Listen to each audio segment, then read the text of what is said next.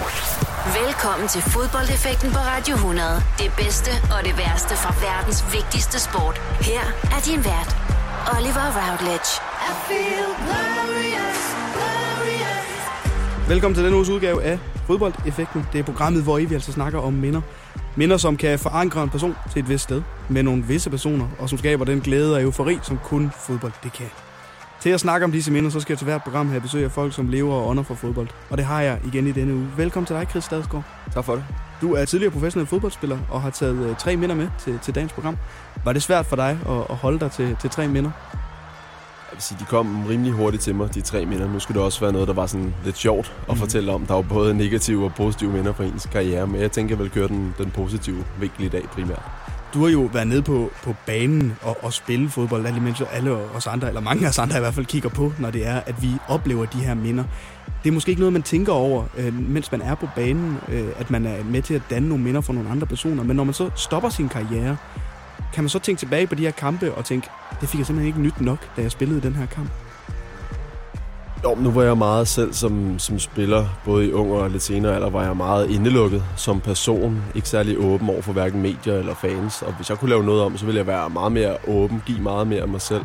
Mm. Både til fans og medspillere, og hvem der er, som være nogle af de, ja, nogle af de yngre spillere i truppen osv. Så hvis jeg kunne spole tiden tilbage, det kan man jo desværre ikke. Øh, så det er ikke noget, jeg ærger mig over som sådan, men hvis jeg kunne, så ville jeg spole tiden tilbage, og så ville jeg være lidt mere åben i forhold til mange forskellige henseender, fordi jo mere du giver, jo mere får du også. Det er noget, jeg ligesom har, erfaret senere hen. Du er stadig at finde i, fodboldverdenen, Chris Dagsgaard. Altså det skal vi snakke om lige om et øjeblik. Og så inden vi dykker ned i dine minder, så skal vi altså også lige snakke lidt om den tid, der er rundt omkring i fodbold-Europa i øjeblikket. Den her sommerperiode, øh, hvor der ikke rigtig er så mange kampe. Superligaen er ved at gå på held her, og så er transfervinduet også åbent. Jeg kunne godt tænke mig at snakke med dig omkring, hvad det er for en tid at være fodboldspiller i, som, øh, som vi går ind i lige nu. Så med det, så er det bare endnu en gang velkommen til denne 47. udgave af Fodboldeffekten her på Radio 100. Du lytter til fodboldeffekten på Radio 100 med Oliver Routledge. Velkommen til denne uges udgave af Fodboldeffekten. Jeg altså besøg af dig, Chris Stadsgaard. Du er tidligere professionel fodboldspiller. Der er jo mange øh, professionelle fodboldspillere, som når de trækker sig fra sporten, så vælger de at blive øh, inden for fodboldverdenen. Det har du også gjort. Øh, du er ejer af det, der hedder Pro Defending, Chris Stadsgaard. Hvad er det for et projekt?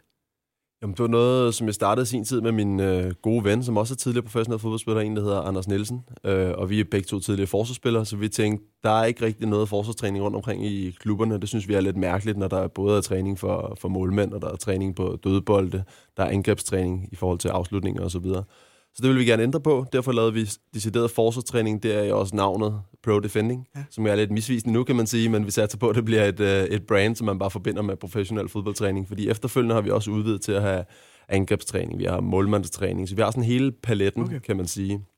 Og nu har vi så også udvidet til at have fodboldskoler. Det gjorde vi sidste sommer, hvor vi havde tre fodboldskoler for lige at prøve det af, se om, om der var et marked for det, se om vi kunne ændre noget, så det ikke var den, den mm. gammeldags skole af fodboldskoler, som man kender, hvor du kommer og hygger dig en uge. Vi vil også gerne have, at du lærer noget på den her uge. Og det har været ekstremt populært, og nu i år, der har vi over 20 fodboldskoler øh, rundt omkring i Herlev, Alberslund, Hekla, hvor det Nu bor du selv på Islands Brygge, ja. så du kender formentlig Hekla derinde. Ja. Øhm, og det er voldsomt populært, og vi har fået rigtig god feedback fra forældrene, så forhåbentlig kan vi få endnu flere klubber med at ramme for 50 fodboldskoler i 2020. Så det er både altså, de unge folk, I henvender til, men også altså, fodboldspillere, som, som rent faktisk går efter det her som en levevej?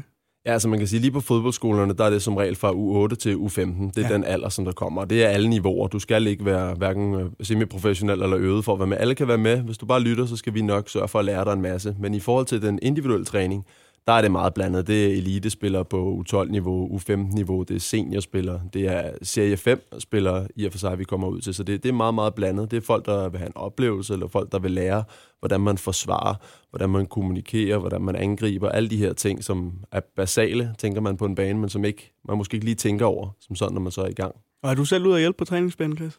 Ja, selvfølgelig. Jeg er nok den, der er mest ude øh, for os, men nu er jeg også en af, af ejerne af, af virksomheden. Øhm, så, så det er jeg ligesom, ligesom nødt til, og det vil jeg også gerne. Jeg synes, det er super fedt at lære fra mig, og man, man brænder jo virkelig for det, når man er ude. Hvad er det for en oplevelse for dig, det her med at, at hvad skal man sige, føre din viden videre til, til nogle andre børn, som, eller børn, men også øh, altså unge spillere, som, som skal lære at spille fodbold? Hvad er det for en oplevelse for dig at kunne sige, det her det er, hvad jeg har lært, tag det med jer? Om det er ekstremt givende i forhold til det, jeg sagde før, med at hvis jeg kunne spole tiden tilbage, ville jeg give noget mere af mig selv. Og det mm. synes jeg virkelig, jeg gør her. Det kan godt være, at det er sådan lidt halvdyr, det er jeg ikke bleg for at indrømme vores træning, men vi giver virkelig, virkelig også meget af os selv. Der ligger rigtig meget forberedelse bag, når vi er ude til de her træninger. Og når jeg så for eksempel har et forløb på 5, 10 eller 15 gange med en, en ungdomsspiller eller seniorspiller til individuel træning, så er det utrolig givende at se, hvordan de udvikler sig, og hvor glade deres forældre bliver, eller holdkammerater, eller hvem det må være, bliver over den her træning, hvor man virkelig kan se en forskel i de ting, de præsterer på banen. Og så er det jo også, altså kunne jeg forestille mig, muligt stadigvæk at være med til jeres øh, fodboldskole i løbet af sommeren, eller er det fuldstændig udsolgt? at der er to af dem, der er udsolgt. I Solrød og Hækler er udsolgt. Det blev rimelig hurtigt udsolgt. Især Hækler, det tog 24 timer, så var der solgt Sådan. 160 pladser. Så det var helt perfekt. en fantastisk klub, Hækler, vi har der. Uh, men jo, der er plads på nogle af de andre. Så, og så er det ind på prodefending.dk, eller hvad hedder det? Prodefending.com, simpelthen. Ellers kan man også se det på Facebook, kan man også kan man følge os for, for lidt nyheder omkring, hvornår vi kommer med næste fodboldskole og nye tiltag osv. Så, videre. så hop endelig ind og kig anbefaling givet videre til, til alle vores lytter der i hvert fald. Men Chris Dagsgaard, du er jo også øh, tidligere professionel fodboldspiller, og det virker du herinde nu. Fordi at den tid, som vi er inde i nu, som, øh, som fodboldfans for mig i hvert fald, er sådan en tid, hvor det begynder at blive lidt kedeligt, synes jeg. Altså, transfervinduet er åbent, men der er ikke rigtig nogen kampe tilbage. Der er Superligaen, vi har stadig lige et par, par afgørende runder tilbage der, i, i hvert fald hvad angår øh, nedrykningsslutspillet. Der er en kamp tilbage helt generelt i Superligaen. Den her tid, hvor det er sæsonen, den er ved at gå på held. Hvordan er den som fodboldspiller? Jeg kan forestille mig, at det er måske lidt antiklimatisk, men man er glad for, at der kommer en pause, men alligevel så elsker man jo at spille fodbold.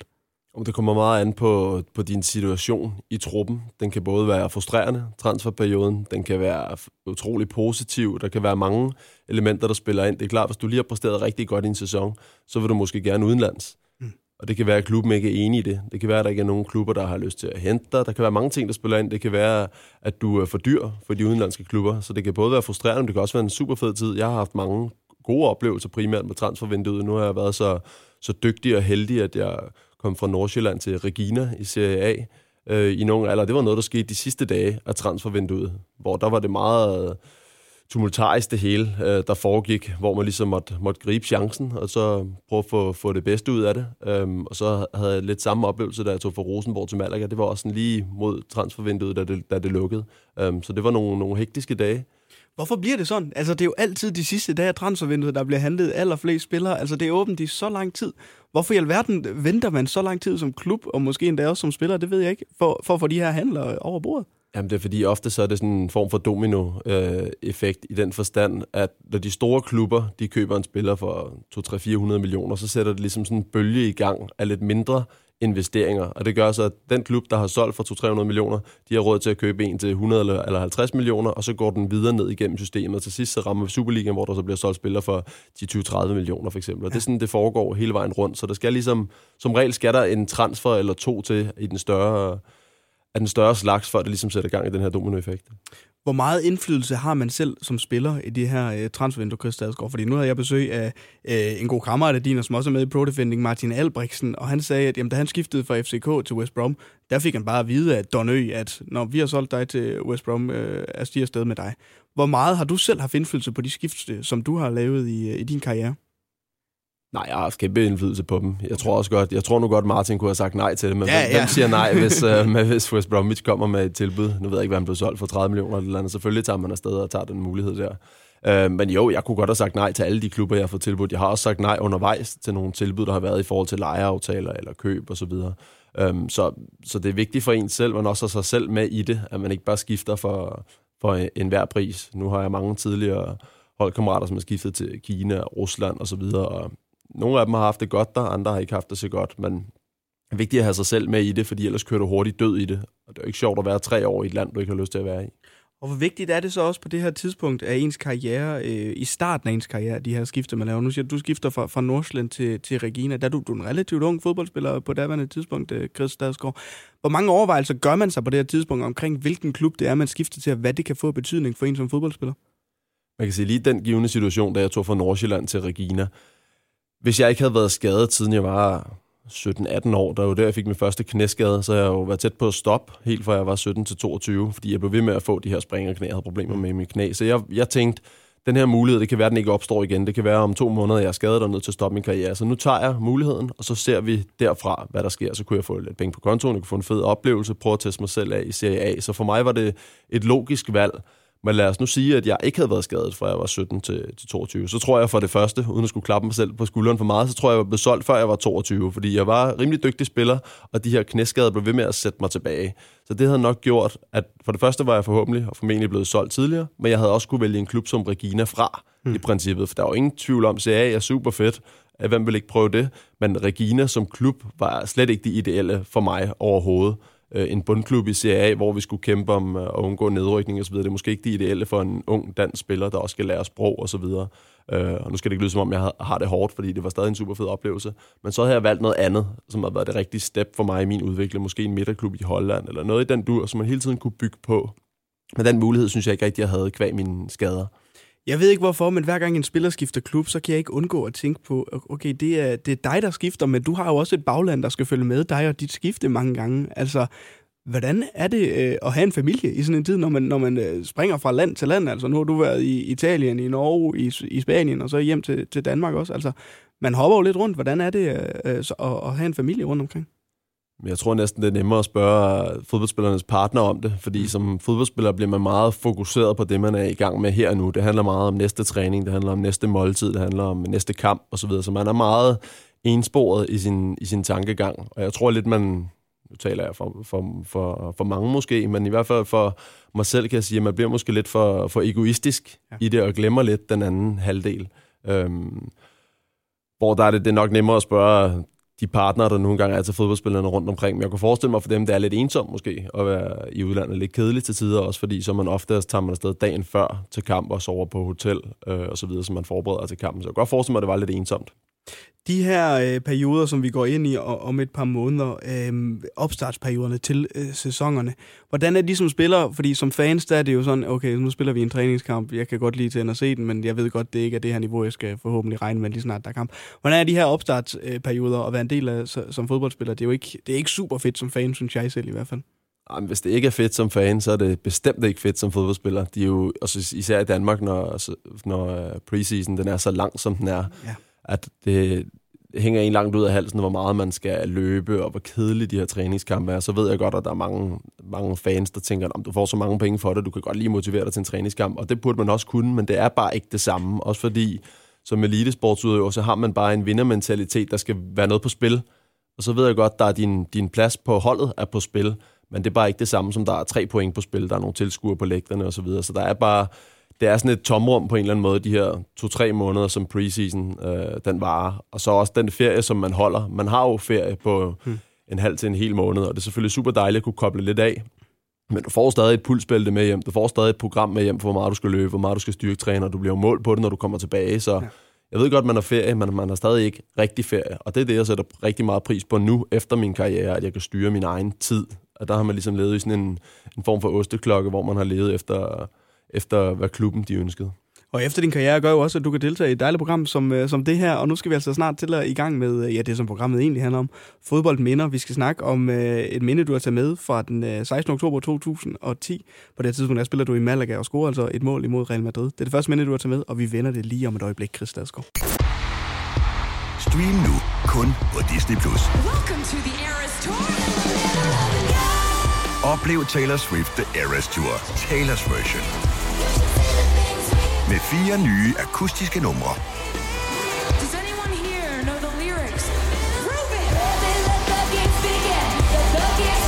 Taylor Swift The Eras Tour, Taylor's version. Stream nu på Disney Plus fra kun 49 kroner per måned. Abonnement kræves 18 plus. Her kommer en nyhed fra Hyundai. Vi har sat priserne ned på en række af vores populære modeller. For eksempel den prisvindende Ioniq 5, som med det store batteri nu kan fås fra lige under 350.000. Eller den nye Kona Electric, som du kan spare 20.000 kroner på. Kom til Åbent Hus i weekenden og se alle modellerne, der har fået nye, attraktive priser. Hyundai. Hvem kan give dig følelsen af at være kongen af påsken? Det kan Bilka! Lige nu får du Kærgården original eller let til 8.95, Brøndum Snaps til 69, 2 liter Faxi Kondi eller Pepsi Max til 12, 3 poser Kims Chips til 30 kroner, og så kan du sammen med Bilka deltage i den store affaldsindsamling 8. til 14. april. Hvem kan? Bilka. Haps, haps, haps. Få dem lige straks Hele påsken før, imens billetter til max 99. Haps, haps, haps. Nu skal vi have... Orange billetter til max 99. Rejs med DSB Orange i påsken fra 23. marts til 1. april. Rejs billigt, rejs orange. DSB, rejs med. Haps, haps, haps. Fodboldeffekten på Radio 100. I den uges udgave af Fodboldeffekten, der har jeg altså besøg af dig, Chris Stadsgaard, tidligere professionel fodboldspiller. Og det første minde, som du har taget med til dagens program, det er en kamp fra din tid øh, i Malaga, og et minde fra din tid i Malaga. Det er en kamp fra øh, den 16. oktober 2010, hvor I øh, møder Real Madrid. I taber kampen med 1-4. Det er ikke derfor, vi skal snakke om kampen. Hvorfor, hvorfor skal vi det? Jo, men nu, nu spurgte de jo ind til før det her øh, interview eller udsendelse i dag. Øh, der spurgte de ind til, hvilke minder jeg kunne have. Og jeg havde jo en liste på en 7-8 emner, hvor flere af dem var lidt af negative karater. Jeg tænkte, det gad jeg ikke bringe ind, fordi det, det er meget sjovt at høre om, men det kan man ikke altid bruge til så meget så tænkte jeg også lidt, bare for at være ærlig, hvordan kan jeg reklamere lidt for mig selv? Og det mm. vil jeg da gerne gøre ved, i forhold til at nævne, at jeg scorede mod Real Madrid, fordi det, det er mange børn, som vi er ude at træne. Det er sådan, åh, har du scoret mod Real Madrid? De er, sådan, de er lidt ligeglade med resultatet, og det er også sådan, det er sådan lidt spøjs historie i forhold til, at jeg er jo forsvarsspiller. Det er jo fuldstændig ligegyldigt med, at jeg har scoret det her mål.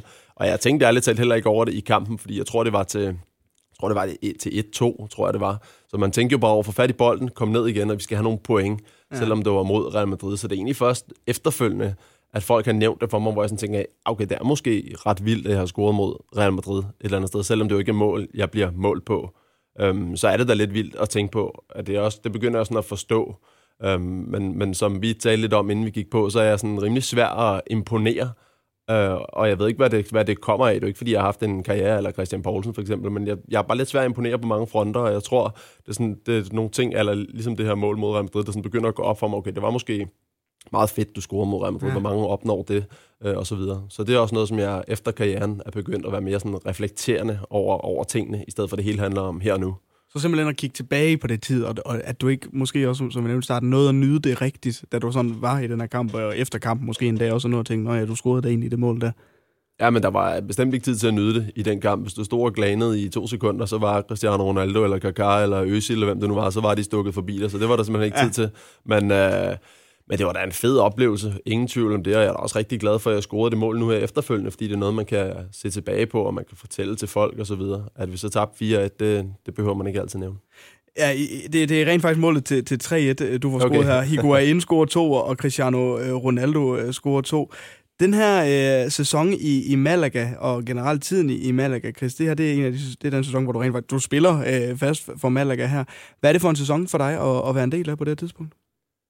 Det var en, en sindssygt fed sæson, og meget udviklende for mig som spiller også. Øhm, nu blev jeg hentet til for, for Rosenborg. Jeg tror, de gav, jeg tror, de gav 15 millioner for mig, eller sådan noget. Øhm, og jeg havde ikke regnet med, at jeg skulle spille fra start, så meget som jeg gjorde, men den træner, der var, det er en gammel Porto-legende, Jesualdo Ferreira hedder han. Han mm. havde stor fidus til mig, og han var med til at udvikle mig. I, i de første to-tre kampe præsterede jeg ikke sådan vanvittigt godt. Jeg præsterede ok, men han havde virkelig stor øh, tro på mig, og blev ved med at give mig chancen. Jeg kunne også mærke, at jeg blev bedre og bedre, og mere og mere tryg med, med, med spillestilen, og jeg præsterede egentlig rigtig godt i den tid, han var der, Jesualdo Ferreira, hvis jeg selv skal sige det selvfølgelig. Ja. Øhm, men så kom der desværre for mig, kom der trænerudskiftning, og det betød så, at Manuel Pellegrini kom ind i stedet for. Øhm, og det gjorde så også, at han havde sat et krav øh, til bestyrelsen eller ledelsen om, at der skulle nogle flere spillere ind. Og så begyndte der så at komme nogle lidt større navn. Demichelis kom for eksempel ind, øh, som han havde haft tidligere, eller i hvert fald kendt fra tidligere. Og han spillede jo midterforsvar på min plads. Så der blev lidt mere kamp om pladsen, og der kom jeg lidt ud, også fordi at en af de normale anfører, der hed Wellington, han så havde den anden plads i midterforsvaret. Um, og det gjorde det selvfølgelig svært for mig. Um, så det var, det var lidt en hård tid at skulle forstå, at man skulle være ude, når man egentlig følte sig berettet til at spille. Men så stille og roligt fik jeg kæmpet mig tilbage igen, og jeg havde også nogle samtaler med Pellegrini, og jeg bad om at få nogle kampe på DVD, så jeg kunne have et møde med ham og vise ham, det var det her, du mente, jeg skulle blive bedre til. Men prøv at se, jeg gør det jo faktisk rigtigt, også fordi man er så ærekær omkring mm. sit arbejde, at man, man, jeg gider ikke bare tjene mine penge, og så sidde på bænken, og så tage, tage hjem efter tre år. når det var det. Jeg vil gerne spille, jeg vil gerne vinde, jeg vil gerne være med til at bidrage.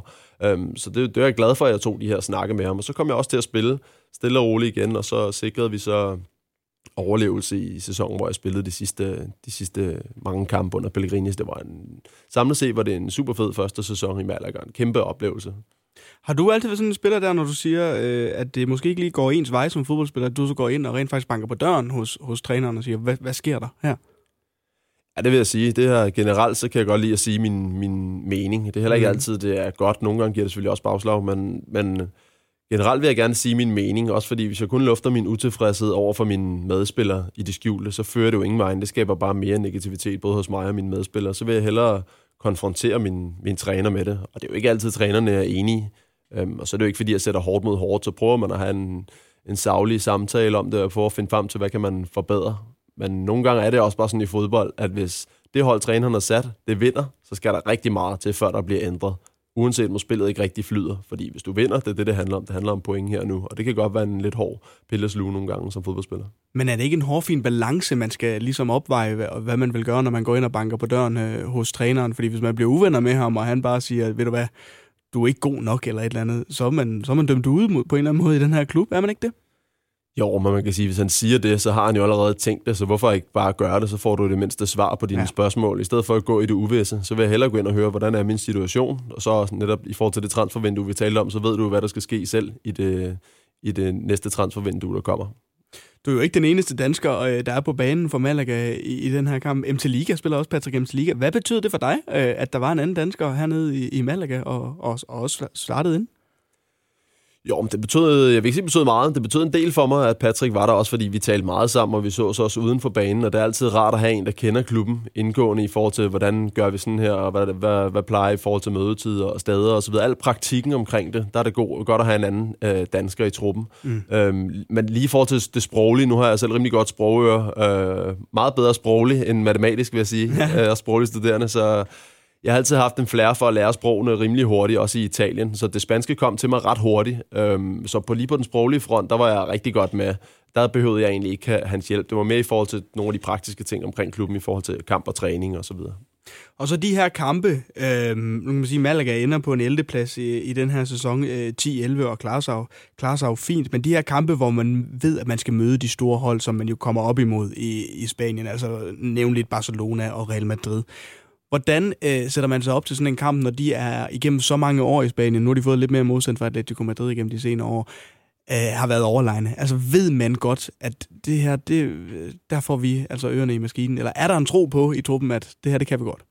Nej, der er altid en, der er altid en tro på det. Altså nu vil jeg sige, når jeg for eksempel er ude at træne nogle, øh, nogle unge spillere rundt omkring i, i Danmark via Pro Defending, så kan jeg godt nogle gange, så spørger jeg dem ofte, hvem er den bedste på holdet, bare for at se, hvem der har mest selvtillid, spørger dem, hvem der er den dårligste, lidt halvupædagogisk, men bare for at høre, hvad de tænker om sig selv, fordi når du er så ung, så er det fuldstændig ligegyldigt, om du er god eller dårlig. Mm. Øhm, Prøv lige at sige spørgsmål igen, det var fordi, jeg havde en god pointe i forhold til det. Ja, det er mere, øh, hvordan det er at spille de her øh, store kampe, og man ja, tænker... Sorry, yes, yes, yes, sorry, jeg tager lige tråden. Um, det er fordi, at, at de her yngste spillere, som så ser, hvem der er bedst på holdet, de bliver ofte bange i forhold til, okay, den kan jeg ikke vinde, den duel. Så de er sådan for, for, forudindtaget i forhold til, at de har tabt duellen. Og det er det, jeg synes er lidt ærgerligt ved nogle af de unge spillere, at de ikke tager duellen for at udvikle sig. Og det er jo det, det er den forskel, der er på at være ung og så være ældre og konkurrencemindet i den forstand, at der er ikke nogen i verden, jeg i princippet tror, jeg ikke kan dække op. Det kan godt være, at hele Danmarks befolkning mener, at du kan ikke dække Cristiano Ronaldo op. Det er også fint nok, hvis alle tror det. Men mm. min indstilling er bare, at det kan jeg godt. Det kan godt være, at han kommer forbi mig nogle gange, men hvis jeg bruger alle de redskaber, som jeg har trænet på, så tror jeg godt på, at jeg kan dække ham op. Og desuden handler det heller ikke om den individuelle spiller. Det handler om, om holdet, hvis vi kan dække kollektivt op. Det er der, vi skal lykkes. Det er ikke nødvendigvis individuelt. Men jeg vil så også sige, at i forhold til motivation, så du behøver ikke nogen motivation for at skulle være klar mod Barcelona og Real Madrid, men det gælder så også hele La Liga. Altså, da alle hold i La Liga er så stærke, både på fart, fysik og teknik, så hvis du er uopmærksom i to sekunder, så scorer Levante altså også på dig. Det er ikke kun Real Madrid og Barcelona. Så du vil, vil du sige, at du selv var god til at sætte dig op til de her øh, slags kampe, om det så galt uh, Almeria, som rykker ned som, som sidste plads i den her sæson, eller om det gælder Real Madrid på hjemmebane? Altså var du god til ligesom at tilpasse sig den situation, kampen også var i? Ja, helt sikkert også, fordi nu havde jeg, ikke, jeg havde ikke været i Malaga i seks år. Hvis jeg havde været der i seks år, kan det være på 6. år. Det var sådan lidt, åh, nu skal vi møde Levante igen. Det bliver lidt nemmere. Og så mm. slækker man lidt, måske sænker skuldrene lidt. Men i og med, det var min første sæson, og i og for sig også den anden sæson, jeg var der, der var der ingen, ingen problemer i at motivere sig. Øhm, fordi modstanden, modstanden var så, så stor, som den var, og fordi ligaen var så fed, og der var så meget opmærksomhed omkring ligaen, som der var. Det er jo så, som jeg sagde tidligere, øh, Gonzalo Higuain og Cristiano Ronaldo, der, der scorer øh, begge mål, øh, eller fire, to mål hver for, for Real Madrid i den her kamp. De sæsoner, du har i, i, i Spanien, går jeg ud fra, det er måske bare en forudsindtagelse, at det er også der, du har mødt de bedste spillere og står over for de bedste spillere. Hvem har været for dig sådan den sværeste modstander at dække op i din tid, altså da du, da du ligesom spillede? Jamen, det er da sjovt, det er der mange, der har spurgt mig om, og alle forventer, at jeg siger Messi eller Ronaldo. Nu har jeg så aldrig spillet mod Messi. Jeg var desværre på bænken, da vi mødte, øh, da vi mødte Barcelona ude, og han var ikke med, da vi mødte dem hjemme. Desværre. Jeg vil gerne prøve at spille mod ham, bare for at se, hvor fantastisk han er. Øhm, men det, den som spiller, som jeg egentlig har haft det sværest med, det er måske en spiller, som mange ikke kender, men det kan også være, at han bare havde en, øh, en, en god dag. Men det er, det er en spiller som Negredo, for eksempel, ja. som spillede mod ham, der spillede i... Hvor var det, han spillede i England? Det han spillede i Valencia City, øh, røg han til, ikke? Det er rigtigt, ja. Uh, han var... Ham havde det bare svært med. Jeg ved ikke hvorfor, for han, jeg er hurtigere end ham, men han er bare stærkere end mig. Han var god teknisk, god til at placere sig de rigtige steder, så ved, god til at vende af på mig. Ham havde det rigtig svært med en kamp, kan jeg huske. Jeg tror, vi tabte 4-2 hjemme, noget i den dur. Mm. Er det, sådan, det er sådan en kamp, jeg husker. Og ellers så også en type som Nilmar fra, fra Villarreal, hvis I kan huske ham, brasilianeren, ja. der levede meget på sin fart. Men igen, det kommer heller ikke, det er ikke kun de to spillere, det kommer an på. Det kommer også an på holdet som helhed. Jeg kan huske Villarreal dengang, de havde et fantastisk hold. Jeg mener, de havde Casola på midtbanen der også. Og et af, hvis du kun spiller over for Nilmar, han ikke har nogen, der kan lægge afleveringerne til ham. Men hvis du stadig har en type som Casola, der kan vende begge veje, kan bruge begge ben lige godt, så skal du altså stå knivskarpt i dit forsvarsspil, for at Nilmar han ikke vender af på dig. Også fordi i, i Superligaen, når jeg spillede der, så hvis en angriber laver et modløb for at få bolden, så laver han et modløb. Der kommer ikke noget forfindeløb eller et modløb for så at vende den anden vej og løbe dybt. Og i Spanien var du skulle bare hele tiden være opmærksom, hele tiden være op på tæerne, fordi at der var det først den ene vej, den anden vej og den tredje vej osv. Så det var virkelig, det var, det var rigtig svært at dække op i Spanien, fordi de var så nogle vævre typer alle sammen. Jeg var jo en af de højeste spillere i La Liga nærmest, og det har jo ikke været i nogen andre ligaer. Jeg er jo ikke sådan sønderligt høj af en midterforsvar at være. Så det var virkelig med at være op på tæerne i forhold til vendinger og skarphed og overblik og så videre opmærksomhed. Og så her i din tid i Malaga, nu nævner du blandt andet, at det var Ferreira, der, der, der var der, da, da du spillede rigtig meget i starten af sæsonen, så kom Pellegrini til. Hvad var forskellen på de to trænere også i spillestilen, og den spillestil, som du godt selv kan lide at, at spille? Nogle sige, man tilpasser sig, kunne jeg forestille mig selvfølgelig, den, øh, den spillestil, som den vælte træner gerne vil spille. Men hvis du sådan selv skulle bestemme, hvor du passede bedst ind i en spillestil, hvad ville det så være? Jo, det, det er svært at sige. Øhm, jeg tror, at Jesualdo Ferreiras spillestil mindede meget om, da jeg spillede i Nordsjælland. At der var ikke så stram struktur rent defensivt. Der var lidt mere frit i forhold til positionering, øh, spil med og uden bold osv. Det var lidt, lidt mere frit. Øhm, og det er jo det, der er forskellen på at være på et af de lidt mindre hold, kontra det at være på et større hold. Fordi da Pellegrini kom til, der var det meningen, at Malaga skulle blive et større hold, og de kom så også i Champions League semifinalen et år eller to efter, så han er jo vanvittigt hurtigt sat det tryk på, øh, sit aftryk på Malaga. Mm. Og det vil sige, det minder meget om min tid i FCK, i forhold til også den måde, Stolo Solbakken praktiserer forsvar på. Det her med, at du dækker op inden for stolperne, ved der er en meget stram organisation i forhold til, at vi ikke må efterlade for store mellemrum mellem kæderne osv. Og, og det er ligesom det, der er kendetegnende for de største hold, at der er en vanvittig god organisation på, på holdet. At der har du ikke bare frit spil. Alle deltager i det defensive spil, og alle deltager i det offensive spil, så der er sådan en sammenhæng begge veje. Det er det, der sådan er, er forskellen, hvis man skal drage nogle paralleller. Og så det her mål, hvor mange gange har du, har du set det igen, Chris? Altså det er jo et, et hjørnespark, der lige... Øh, den bliver lige flækket videre, og så står du klar på bagstolpen med, med en lang tog. Altså, hvor mange gange har du genset det? Ja, nu sidder du og smiler til mig, som om jeg har set det 100 gange. Det værste er, at jeg tror, jeg har set det en 5-6 gange, og de gange, Nå, okay. jeg har, de gange, jeg har set det, det var faktisk, fordi jeg ville dele det inde på vores Facebook-side ved Bro Defending. uh, så det gjorde jeg, at det blev hurtigt fjernet igen, for det måtte man ikke på grund af immaterielle rettigheder. og sådan er det. Det var altså det første minde, som du tager med her i fodboldeffekten, Chris Dagsgaard. Så det mål, du scorer mod Real Madrid i kampen den 16. oktober 2010. Om lidt, så skal vi snakke om det andet minde, som du har valgt at tage med her i fodboldeffekten. Det er endnu en kamp for din, øh, din tid i Malaga. Det er en kamp mod Barcelona, og faktisk en kamp, hvor du er på bænken, som du selv lige nåede at, at sige, at du ikke var der, da Messi spillede. Hvor, hvor, hvorfor du har valgt at tage det her minde med, jamen det snakker vi altså om lige om et øjeblik. Når du skal fra Sjælland til Jylland, eller omvendt, så er det Molslinjen, du skal med. Kom, kom, kom, bado, kom, bado, kom, bado. Få et velfortjent bil og spar 200 kilometer. Kør ombord på Molslinjen fra kun 249 kroner. Kom, bare du.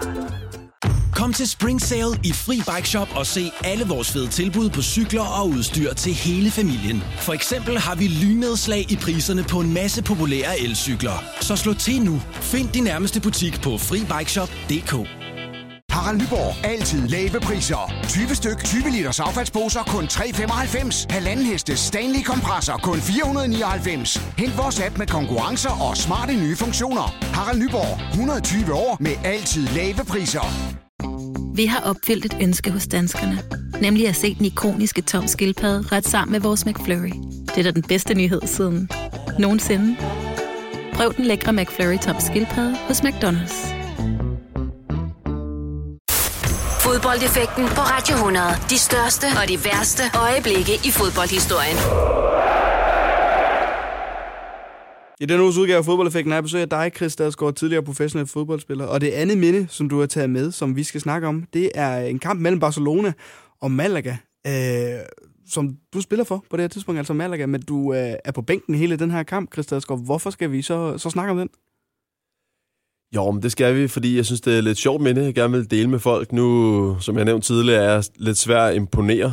Ikke at det nødvendigvis er nogen gode ting overhovedet, mm. men øh, også i forhold til for eksempel fodboldklubber osv., der er ikke rigtig nogen klubber, jeg som sådan holder med. Selvfølgelig er der klubber, jeg bedre kan lide end andre, men lige FC Barcelona har jeg altid haft en forkærlighed for. Jeg har også en gammel Luis Enrique, tror jeg, derhjemme, jeg købte, da jeg var nede med min far til Barcelona Real Madrid dengang, det der grisehoved blev kastet på banen. Nå, øh, var du inde se den kamp? Ja, det var jeg inde at se sammen med min far. Den blev desværre 0-0. Jeg ville ja. så gerne have oplevet et mål på, på Camp Nou, men det, det skete så ikke. Så jeg har altid været kæmpe Barcelona-fan, og det kan stadig irritere mig, for eksempel, når de taber til Liverpool, fordi jeg synes jo, Barcelona er bedre, men de er super ukoncentrerede og bliver straffet derfor på færre vis. Og så Skal jeg love for, ja. ja så, så det er ikke noget problem med, at Liverpool gik videre der, selvom det selvfølgelig irriterer mig på Barcelonas vegne, at de ikke lige kunne koncentrere sig. Men det, som jeg vil sige med det, det var, at nu var jeg så på bænken i den her kamp på Camp Nou, og jeg ville jo sindssygt gerne have fået spilletid øh, i den her kamp, bare for at opleve at spille på Camp Nou. Jeg vil godt have fjernet mit mål mod Madrid for at få fem minutter på Camp Nou, øh, bare for at sætte det lidt i kontekst til, hvor stor Barcelona-fan eller tilhænger ja, det skal jeg, jeg love for. Øhm, og det fik jeg desværre ikke. Men så tænkte jeg sådan, om, hvordan kan jeg så få maksimal udbytte af den her øh, bænkmulighed, som jeg, som jeg fik. Og så det, som der er, var i Malaga, det var, at vi fik altid to trøjer øh, til kamp. Vi fik en til første halvleg og en til anden halvleg. Så man, vi var jo nogle øh, små luksusdyr, så vi skulle selvfølgelig ikke have sved på trøjen til anden halvleg. Det er klart, vi skulle have en ren trøje, det er klart. Så jeg har simpelthen gjort det i anden halvleg i min udskifterjakke, en stor dejlig vinterjakke, der havde jeg taget en trøje i hver lomme. Og efter kampen, så gik jeg ind og stod klar i tunnelen derinde, til når Barcelona spillere kom ind. Og så tænker jeg sådan, ah, er det, lidt, er det, det er sgu lidt pinligt. For det første at, at spørge, om man vil bytte, er lidt pinligt. Øhm, fordi hvad nu, hvis de ikke rigtig gider? De kender jo ikke Chris Stadsgaard. Selvfølgelig gør de ikke det. Hvorfor skulle de kende ham? Øhm, så for det første er det lidt pinligt at spørge. Men nu tænker jeg, ej, jeg spørger bare, fordi jeg ser dem aldrig igen, så nu spørger jeg bare, om de vil bytte. Så spurgte jeg Abidal, han kom ind som den første. Jeg tænkte, jeg skal bare have en eller anden. Jeg venter ikke til sidste mand og høre, om Messi kan. Han har sikkert allerede byttet, så nu skal jeg bare have en trøje. Så spurgte jeg Erik Abidal, om han ville bytte. Jamen, det vil han gerne. Han fik min. Har han sikkert kyldet i skralderen. Og så, helt ren trøje. Helt ren, ja. Og så fik jeg hans. Og det var super godt. Og så tænker jeg sådan, jeg har jo faktisk en trøje mere i den anden lomme. Så tænker jeg, skal jeg lige give det et skud? De snakker ikke sammen alligevel. Og selv hvis de gør, så er det også ligegyldigt. For jeg skal aldrig se dem igen. Det plejer jeg altid at bruge i forhold til, er pinligt leg. Skal jeg se folk igen, eller skal jeg ikke? Ja. Og så kom Puyol ind, selvfølgelig. Han er en kæmpe legende i Barcelona. Og så nu gør jeg det bare. Så spurgte jeg Puyol, om han ville bytte. Det ville han gerne. Og så tog jeg simpelthen derfra med, med to Barcelona, tror jeg. Til med, med med blod selvfølgelig på Puyols trøje. Han er jo en vaskeægte kriger, ikke? Så Abidal-trøjen gav jeg så til en af mine rigtig gode kammerater, som også er stor Barcelona-fan, og så beholdt jeg selv Puyol-trøjen, som hænger hjemme på, på væggen. Så det var en super fed oplevelse. Lidt sjov anekdote. Carlos Puyol, øh, du er jo selv forsvarsspiller og har været bare, altså, Barcelona-fan. Kan vi tillade os at sige det? Ja, det må vi gerne sige. Det må vi gerne sige. Hvad betyder det så for dig at få Carlos Pujols trøje? Fordi som du selv siger, en legende i Barcelona. Altså. Om det synes jeg er, er super fedt. Nu har jeg fået nogle rigtig gode trøjer igennem tiden, men det er klart, det er Puyol, som er, er den fedeste trøje for mig, også fordi det er en Barcelona-spiller. Ligesom forsvarsspiller, jeg kunne godt lide, at han altid gav alt, mm. men jeg minder jo ikke om ham som type overhovedet. Han var, ja, han var jo forudseende, selvfølgelig var han af spiller du ikke i Barcelona, men der var lidt nogle andre ting, som jeg så som mit øh, varemærke kontra de ting, han kunne bidrage med. Men det han kunne, det gjorde han vanvittigt godt for Barcelona, og betød meget for dem. Og for, nu siger du, at du har nogle, nogle fede trøjer derhjemme. Altså, var du god til at få byttet, få byttet trøjer med folk? Nej, egentlig ikke, men nu stod jeg jo ofte over for angriberne, så kunne jeg jo spørge dem på vej ud i pausen, eller efter kampen, eller et eller andet. Nu ja. også i Malaga, det var ikke fordi, vi vandt sønderligt mange kampe. Vi reddes for nedrykning, og vi sluttede rigtig godt af, men i den første halvsæson, så var de jo sjovt nok tilbøjelige til at bytte angriberne, hvis de har vundet 3-1 eller 2-0 eller et eller andet, ikke? Så det var med at være så gad de godt. så gad de godt. Så jeg fik et par gode. Jeg har en Fernando Llorente derhjemme, ja. Tottenham-spilleren, og jeg har en Drogba-trøje derhjemme, og jeg har, jeg har nogle forskellige, jeg kan ikke engang huske det. Nogle af dem har jeg hængt op, og nogle af dem ligger i, i skuffen derhjemme. Det her med, øh, nu, nu har vi før snakket om, eller tidligere snakket om kampen imod Real Madrid, og Patrick Liga spillet i, i Malaga og sådan noget. Men Malaga som klub, Chris Stadsgaard, din tid der, øh, hvad, hvad er det for en klub at spille i, øh, Malaga? Jeg synes, det var en super fed klub at spille i. Folk var ekstremt flinke. Det hele, det, det, det, det kan godt være, det lyder som sådan en underlig ting at sige, men det betyder bare meget, at folk er flinke. Mm. Og imødekommende. Nu, nu kan det være, at jeg får hele den danske befolkning på nakken, men i Danmark er det jo meget jantelov i Danmark. Man skal passe på, hvad man siger ja. og gør, og folk... Det er ikke altid folk under en det bedste. Der er også mange, der gør. Det er ikke, fordi alle skal skæres over en kamp, men, men det, det oplever man bare ikke på samme måde, når man er i Spanien eller til dels Italien. Men især i Spanien, alle var bare glade og ville en det bedste og ville hjælpe, og det synes jeg bare var super fedt, og det var også noget, jeg selv har taget med mig videre i forhold til det her, vi snakkede om tidligere med, at jo mere du giver, jo mere får du. Ja. Um, og det var sådan, det er en af de ting, jeg tager med mig, som er lidt uden for banen, uden for fodboldbanen, kan man sige. Det var, virkelig, det var virkelig en god oplevelse at få, synes jeg. Kamp nu står jo for mig som værende et, altså, stadionmæssigt i Europa et, et unikum. Uh, nu har du både været der som, som tilskuer uh, i en 0-0-kamp, og så har du så også siddet dernede uh, på bænken under en fodboldkamp. Hvad er det for en oplevelse at gå ind på det stadion? Om det var en, uh, det var en kæmpe oplevelse at opleve, men jeg vil så sige, altså, det, det var rigtig fedt at komme derhen og prøve. Jeg havde håbet på at få noget spilletid. Um, så det er en lidt flad fornemmelse at gå derfra uden spilletid. Ja. Øh, jeg har det lidt sådan, jeg har ikke rigtig været der. Okay. Så ligesom hvis jeg har vundet en, en sølvmedalje eller noget, så det, jeg tror, jeg har smidt min sølvmedalje ud for at være ærlig, fordi jeg, så har jeg ikke vundet noget, føler jeg lidt. Altså jeg gider kun at gemme min, min guldmedalje, og jeg gider kun at gemme dem, hvis jeg har spillet nok til at gøre mig fortjent til den. Hvis jeg har spillet fem kampe i sæsonen og vundet guld, så synes jeg ikke, jeg har fortjent den. På samme måde har jeg det lidt med, med Camp Nou, at jeg har været der, men jeg har ikke sådan rigtig været der. Og det er derfor, det ærger mig, at jeg ikke lige bare lige fik to minutter, for så har jeg spillet på kamp nu. Nu har jeg jo siddet på bænken på kamp nu, men det svarer næsten til, at du har siddet på tilskuerpladsen på kamp nu, hvis du spørger mig. Det kan godt være, det lyder lidt, lidt negativt, men det er sådan, jeg er indstillet. Ja. Um, La Liga og, og dig, altså, hvad, hvad, passede det godt sammen? Øh, var det et godt match, synes du, øh, som, som Liga og, og dig som fodboldspiller? Jeg synes, det var et fantastisk match, også fordi mange af de ting, som jeg har kvaliteter, det er det, de har, de spanske forsvarsspillere, i forhold til at være god på bolden, være forudseende, være hurtig. Jeg var ikke nødvendigvis specielt stærk, men jeg var stærk i forhold til de spanske angriber, eller de sydamerikanske okay. angriber, som kom til. De havde så meget bedre teknik end mig, selvfølgelig mange af dem, fordi de har en helt anden fodboldopdragelse, end vi har i, i Danmark. Øh, men jeg synes, La Liga passede helt perfekt til mig. Så hvis jeg, kunne have, hvis jeg skulle have lavet en perfekte karrierevej, så havde jeg været forbi en midterklub i Holland først, så taget til noget noget subtop i Italien for at få virkelig den italienske forsvarsskole indenbords, ligesom jeg gjorde lidt i Regina, ja. hvor jeg dog kun var i otte måneders tid, så hvor jeg nåede stadig at lære noget, men ikke helt nok, kan man sige, og så kunne tage til Spanien til noget, til noget subtop der. Altså det havde været den helt ideelle karrierevej for mig, men det kan man jo så ikke altid være, være herre over af forskellige årsager. Så når, man, når du siger, hvis det havde været den ideelle årsag, er det så noget, du kan fortryde? Var der tidspunkter i din, øh, altså, i, øh, i, din, øh, i din spilleperiode, hvor du havde mulighed for ligesom at sige, okay, jeg er i Nordsjælland, der er nogen fra Holland, der gerne vil have mig. Skal jeg smutte nu? Altså, altså er, er, der, er der klubskifter, du fortryder, du ikke har sagt ja til? Øh, nej, det vil jeg ikke sige. Altså, jeg fortryder ikke noget generelt, fordi jeg kan ikke gøre noget ved det alligevel. Sådan har jeg, det er sådan en mindset, jeg har med alting. At hvis, hvis jeg ikke kan gøre noget ved det, så er der ingen grund til at ære sig over det. Øhm, altså, dengang, da jeg tog fra Nordsjælland til, øh, til Regina, der, var, der ville Rosenborg også gerne hente mig, og FCK ville også gerne hente mig dengang, da Ståle var der. Men der tænkte jeg mere på at få udlandseventyret. For man mm. kunne altid komme hjem til en dansk klub i går, så nu endte jeg så også med at komme hjem til, mm. til FCK.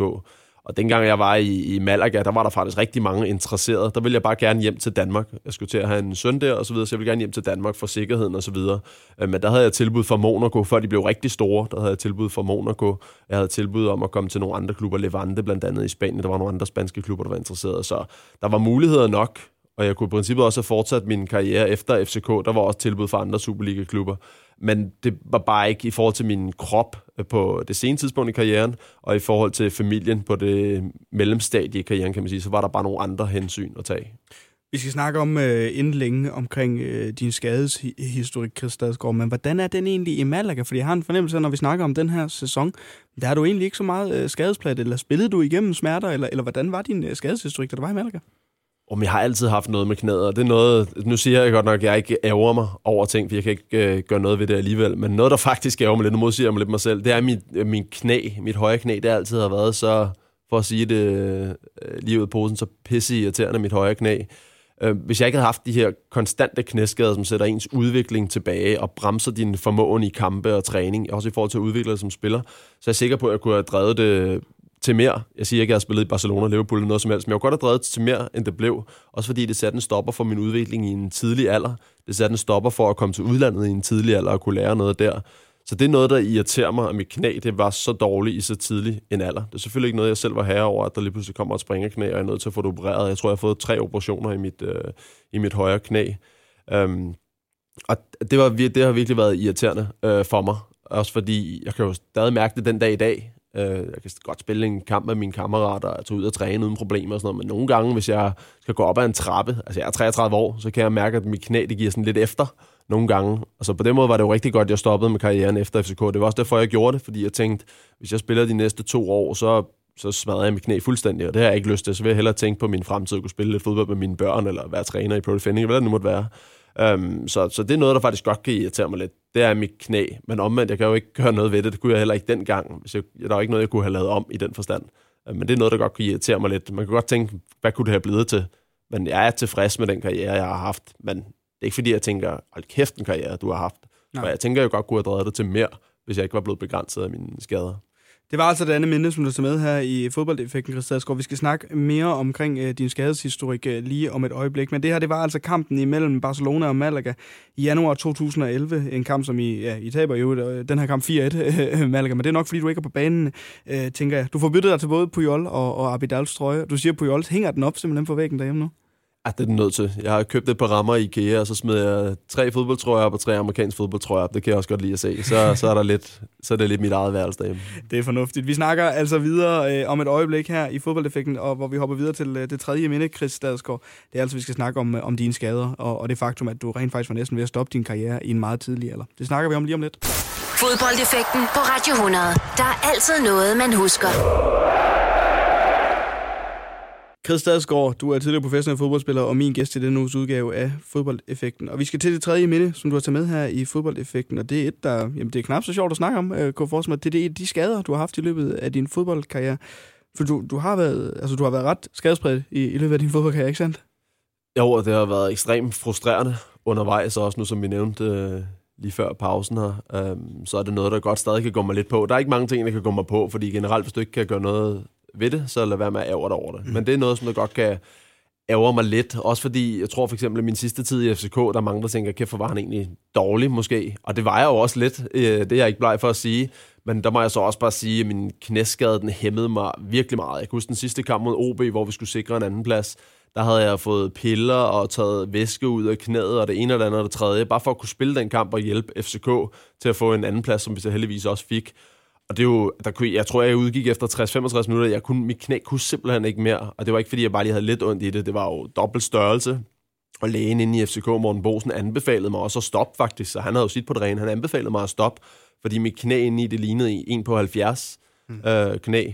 Um, så altså, det var ikke sjovt den sidste tid i FCK. Ikke på grund af klubben. De gjorde det egentlig, egentlig hvad de skulle. Uh, der er ikke noget at sige om dem. Men bare i forhold til mit øh, helbred simpelthen. Så på den måde hæmmede det mig rigtig meget. Og det kan godt ære mig, at jeg ikke kunne vise mit fulde potentiale andet end faktisk, da jeg var 17 år, da jeg fik min debut, der kunne jeg spille for fuld skrue, for der ikke haft nogen knæoperationer endnu. Og så kom den så rimelig hurtigt, derefter som 18-19 år, tror jeg, jeg havde min første operation. Okay. Kan du huske, hvad der sker i den her periode, da du får den her første knæoperation? Hvad er anledningen til, at du skal ind og opereres i knæet? Altså, er det, har du været nede i en tackling eller, eller noget lignende, eller er det bare overbelastning?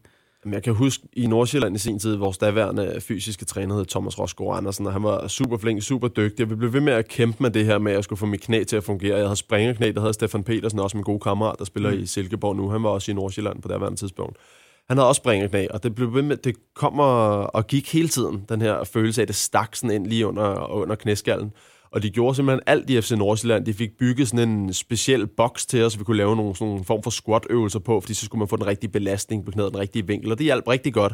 Og så kunne jeg træne i 3-4 uger uden problemer. Og så lige pludselig kunne jeg mærke det igen. Jeg kan tydeligt huske, at jeg spillede kant med, med førsteholdet, som jeg selvfølgelig var en del af i Nordsjælland.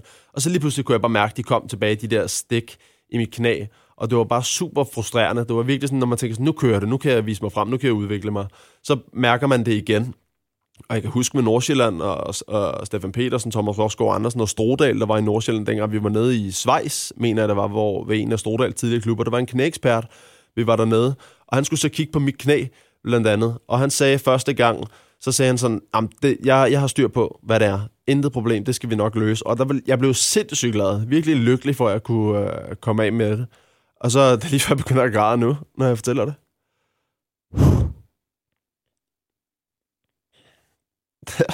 Mm. Det er alligevel vildt, at man kan blive så følelsesladet. Det er fordi, jeg tænker tilbage på den gang i Schweiz, hvor, hvor jeg kan tydeligt huske, da vi var inde på en klinik, hvor så skulle han tjekke det endegyldigt. Og så siger han til mig, at Nå, men jeg, jeg ved ikke, hvad det er alligevel, hvad der er galt med det. Og så kan jeg bare huske, så var jeg bare totalt grædfærdig, fordi jeg tænkte, alt det, som jeg har arbejdet for i, i så mange år, og Thomas har kæmpet alt, hvad han kan, og jeg er min gode kammerat med, at lige fortælle min familie, at de har styr på, hvad det er, og jeg kan få bukt med det. Det er jo min drøm at spille fodbold. Jeg har jo brugt hele mit liv på det i folkeskolen og gymnasiet, ikke med til en eneste fredagsbar osv., kottet en masse ting for at udleve den her drøm. Og så lige pludselig braser det hele bare igen, efter jeg lige har fået overbragt verdens bedste nyhed i Schweiz. Og det overrasker også mig nu, hvor berørt jeg egentlig kan blive af det. Men det viser også bare, at det er altså... Hvor mange år siden er det? Det er jo næsten 15 år siden, og så kan jeg bare blive sindssygt berørt af det nu. Og det er jo sådan lidt... Det er jo sjovt på en eller anden måde, for det er jo bare fodbold, men alligevel er det ikke bare fodbold, fordi der er så mange ting, der, der spiller ind øh, i det. Og det, kan jeg bare, det står bare virkelig klart i min, i min hukommelse. Og så i forlængelse af det, så havde jeg sådan lidt erkendt, at, at okay, men det kan godt være, jeg skal til at tænke om, hvad der, hvad der så skal ske, i stedet for fodbold.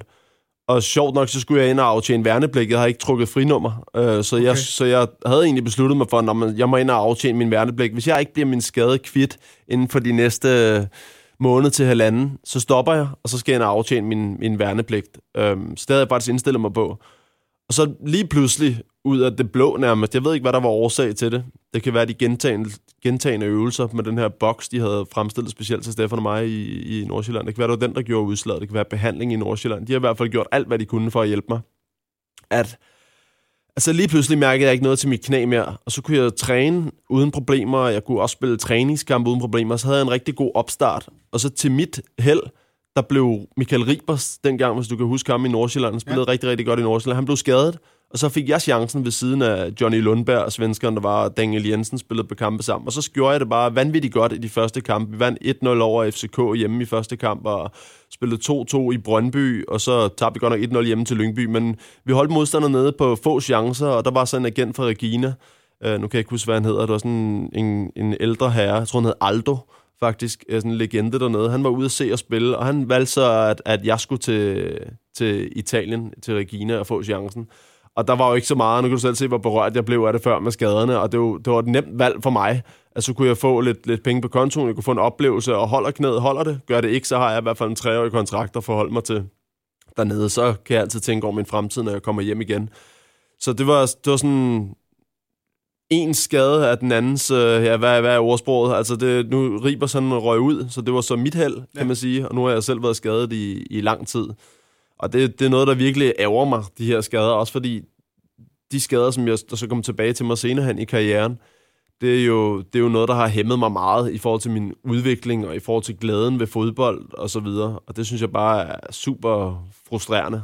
Også fordi jeg fik trods alt debut i Superligaen som 17-årig. Vi tabte godt nok 5-1 i Silkeborg, men det er fuldstændig ligegyldigt. Det handler om at få ja. debuten og få udviklingen og få fornemmelsen for, hvad det, det her det drejer sig om. Um, og jeg er da ret sikker på, at hvis jeg ikke havde haft de her skader og så videre, så kunne jeg have drevet det til mere, som jeg også nævnte uh, tidligere. Um, så, så det kan godt ærge mig som noget af det eneste i verden, som jeg gider at bruge tid på at ærge mig over. Den her tid, når det er, øh, man er stadig øh, Chris Stadsgaard, og man altså ikke øh, spiller fodbold, men derimod måske bruger en masse tid i et, i et styrkecenter eller på Brixen og, og bliver behandlet. Lærte du noget af det selv, altså øh, så, så personligt, men også som fodboldspiller på en eller anden måde, at nyde den tid, man, man nu var der? Ja, der er ingen tvivl om, at dem, som der ikke har været skadet før, det er selvfølgelig super godt for dem, men de, der er også mange, der ikke sætter pris nok på, når man er skadesfri. Jeg kan mm. tydeligt huske de gange, nu har jeg haft mange forskellige skader med knæ og med lyske, og jeg har fået fjernet en, en åre i min højre, øh, højre ben i Malaga, fordi det var betændt og så videre. Så hver gang jeg er kommet tilbage, så har det virkelig bare været en fornøjelse at kunne komme på træningsbanen igen. Og så kan det godt være, at det har været en hård træning, man skulle løbe lidt, eller man skulle i gym og lave nogle kedelige øvelser, men det er bare ikke noget, der har irriteret mig på samme måde som mange andre måske, fordi jeg virkelig har sat pris på det at kunne være skadesfri og kunne spille og lave det, jeg har lyst til. Også fordi du bliver lidt ekskluderet fra resten af spillertruppen, hvis du er for dig selv i gym. Mm. Folk spørger, hvordan går det og sådan noget, men folk spørger heller ikke oprigtigt altid. Det er sådan bare for at spørge, og det kan man også godt fornemme. Og så vil jeg, som den asociale type, jeg var, øh, så vil jeg hellere, at folk ikke spørger, hvis de ikke mener det oprigtigt, ja. selvom de gør det for at være søde. Det ved jeg godt. Det er jo sådan noget, man gør for at holde samtale i gang nogle gange, sådan noget der. Altså bare ikke, hvor det, hvor Ja, det er jo kun sødt men, så det er jo kun fint nok, at man lige spørger, hvordan går det, så hører man efter med, med det ene øre, men så har jeg det bare som person, så vil jeg hellere bare lige svare kort og træne videre, hvis jeg godt ved, at de ikke spørger oprigtigt. Og det er jo selvfølgelig også bare mig, der er lidt negativt indstillet på den front, for de spørger jo kun for at være søde. De her øh, tider, hvis vi skal fortsætte snakke om, når man ikke øh, spiller. Øh, jeg har tidligere haft besøg i, i det her program af, af Jakob Kjellberg. Det var lidt øh, en, en anden tid, da han spillede, men han måtte jo også stoppe sin fodboldkarriere, fordi han blev er- erklæret fodboldinvalid simpelthen. Han siger, han havde så... Øh, han begyndte at spille klaver sindssygt meget, da han, da han var skadet, og det fjernede ligesom hans fokus fra alt fodboldverden, og det, og det var sådan hans øh, vej ud af det, at han, han, han ikke skulle tænke på det. Havde du noget, du kunne give dig til, eller nogen, du kunne være sammen med, der sådan hjalp dig igennem den her svære periode tydeligvis? Altså man kan sige, at dengang jeg fik de første på skader, der var jeg jo meget ung. Der boede jeg på en lejlighed på Nørrebro med en kammerat, så det, og han var altså ikke fodboldinteresseret sådan rigtigt, men vi, altså, vi snakkede lidt om nogle forskellige ting, og det gav mig måske mulighed, det kan godt være, det lyder lidt useriøst, men det gav mig muligheden for at komme lidt i byen og sådan noget. Nu ved jeg, nu er jeg selvfølgelig, selvfølgelig trænet, jeg er genoptrænet og så videre, men det gav mig også muligheden for alle de ting, jeg ikke havde prøvet tidligere i karrieren i forhold til alle de fredagsbajer, jeg havde givet afkald på, og aldrig rigtig i byen med vennerne, gik glip af en masse ting, når de tog til udlandet og så videre på nogle ferier. Så det gav mig et, et år, halvandet. Det godt være, det lyder åndssvagt, men jeg tror bare, det gav mig meget som menneske. Ja. Også ligesom at kunne, kunne prøve det på en eller anden måde, og så tage i byen i et års tid, halvandet års tid, og selvfølgelig stadig passe min fodboldtræning, genoptræning og så videre.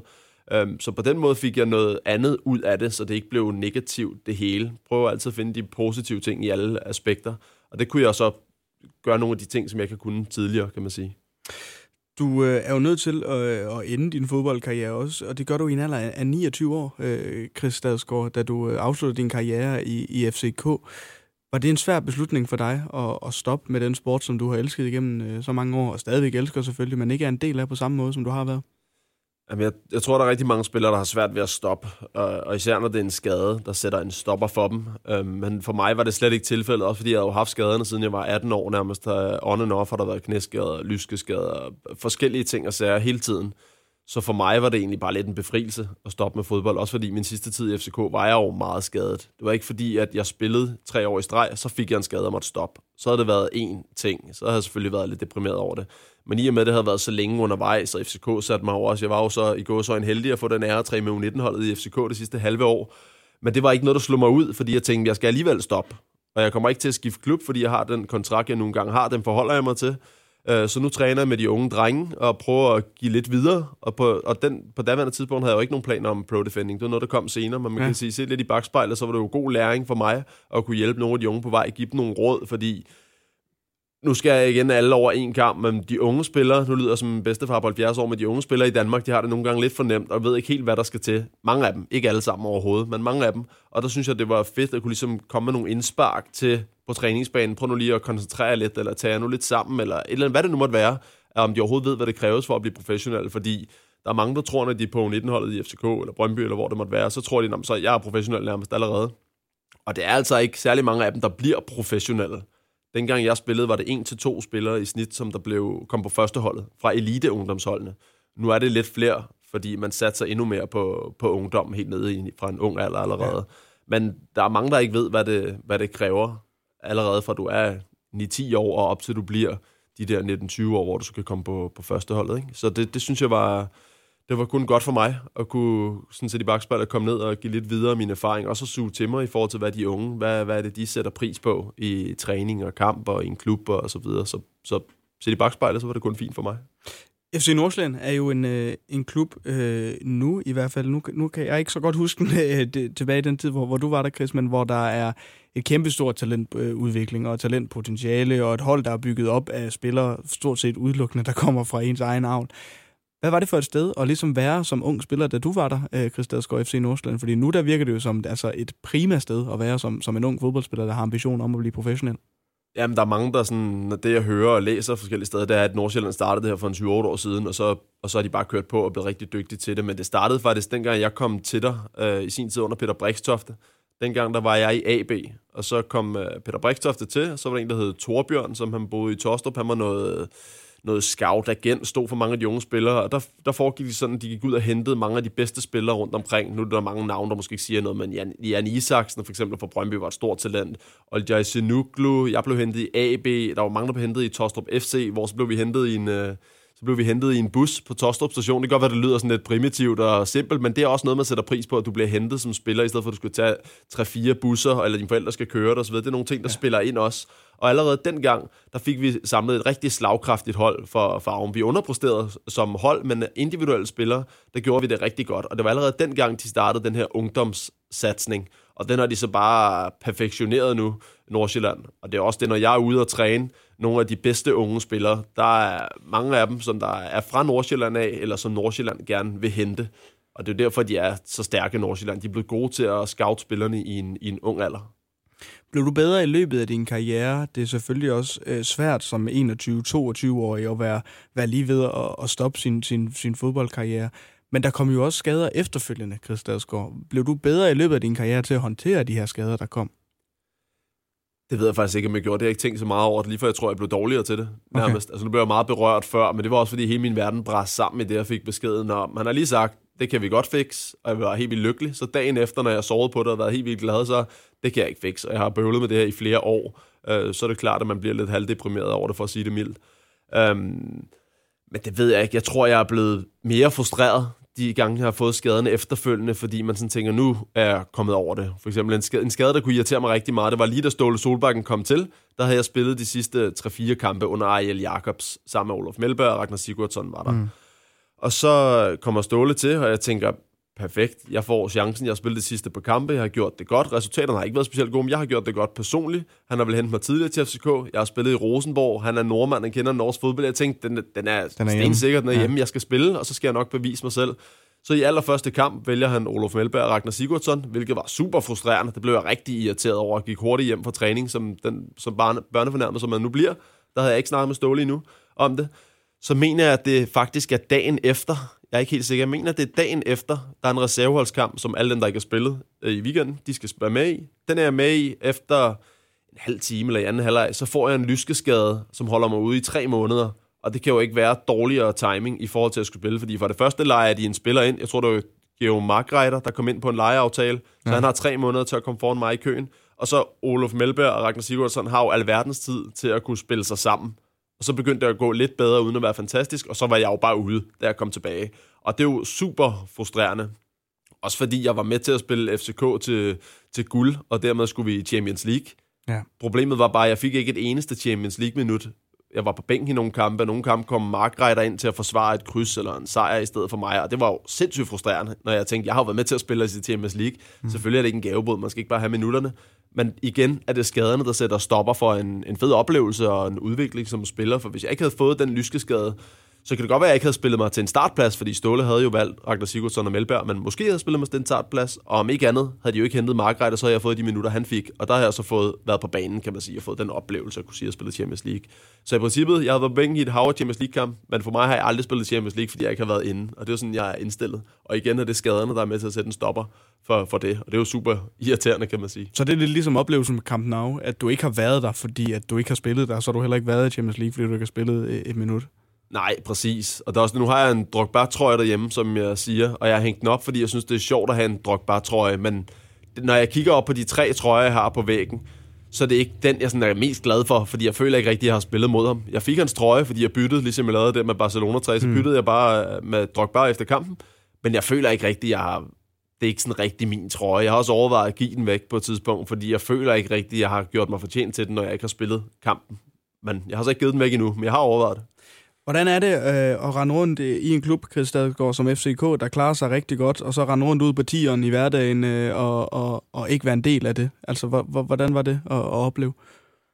Det er meget frustrerende, det er også meget ensomt. Altså, folk er generelt gode til at spørge ind til en, som jeg også sagde før, men ja. man kan godt mærke, om det er oprigtigt eller ej. Det burde man så være ligeglad med, for bare det, at folk gider at spørge ind til dig, det er sødt af dem og betænksomt af dem, så det burde man bare tage ind og glæde sig over. Men det er svært i sådan en situation, når man er skadet, og du står nede i kælderen på Jens Jessens vej og skal træne øh, styrketræning. Det er ikke specielt motiverende at stå nede i kælderen helt alene, øh, og, og skulle styrketræne din lyske igen, eller dit knæ, eller hvad det nu måtte være.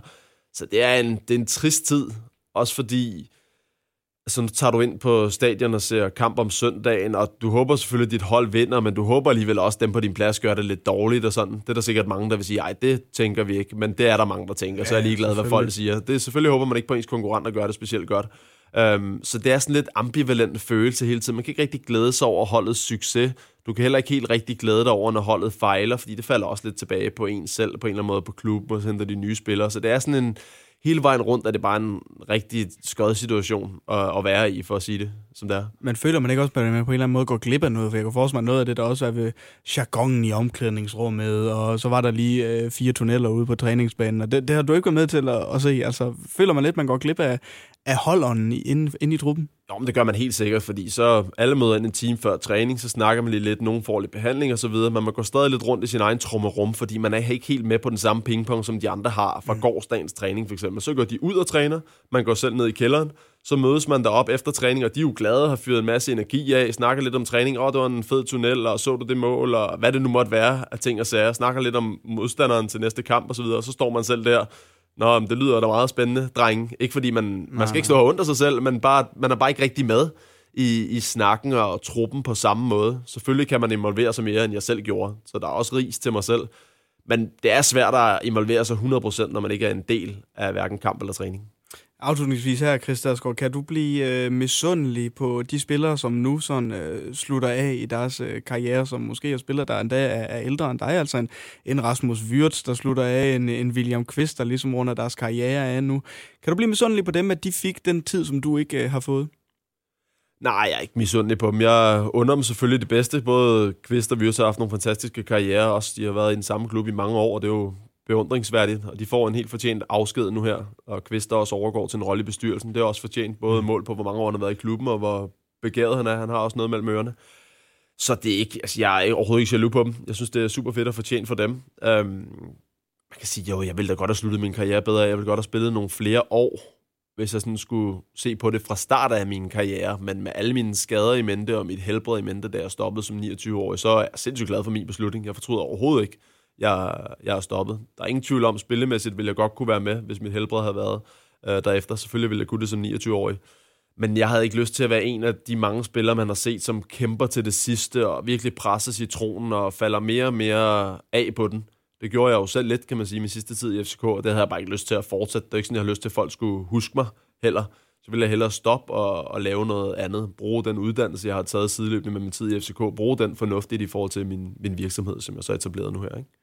Det var altså det tredje minde, du har taget med her i fodboldeffekten, Chris Stadsgaard. Altså de skader, som du desværre har, har haft og oplevet i, i løbet af din øh, fodboldkarriere. Du lytter til fodboldeffekten på Radio 100 med Oliver Routledge.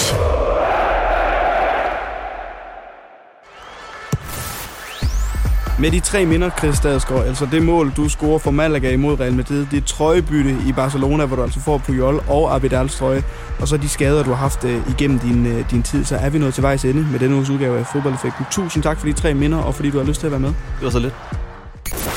Fodboldeffekten på Radio 100.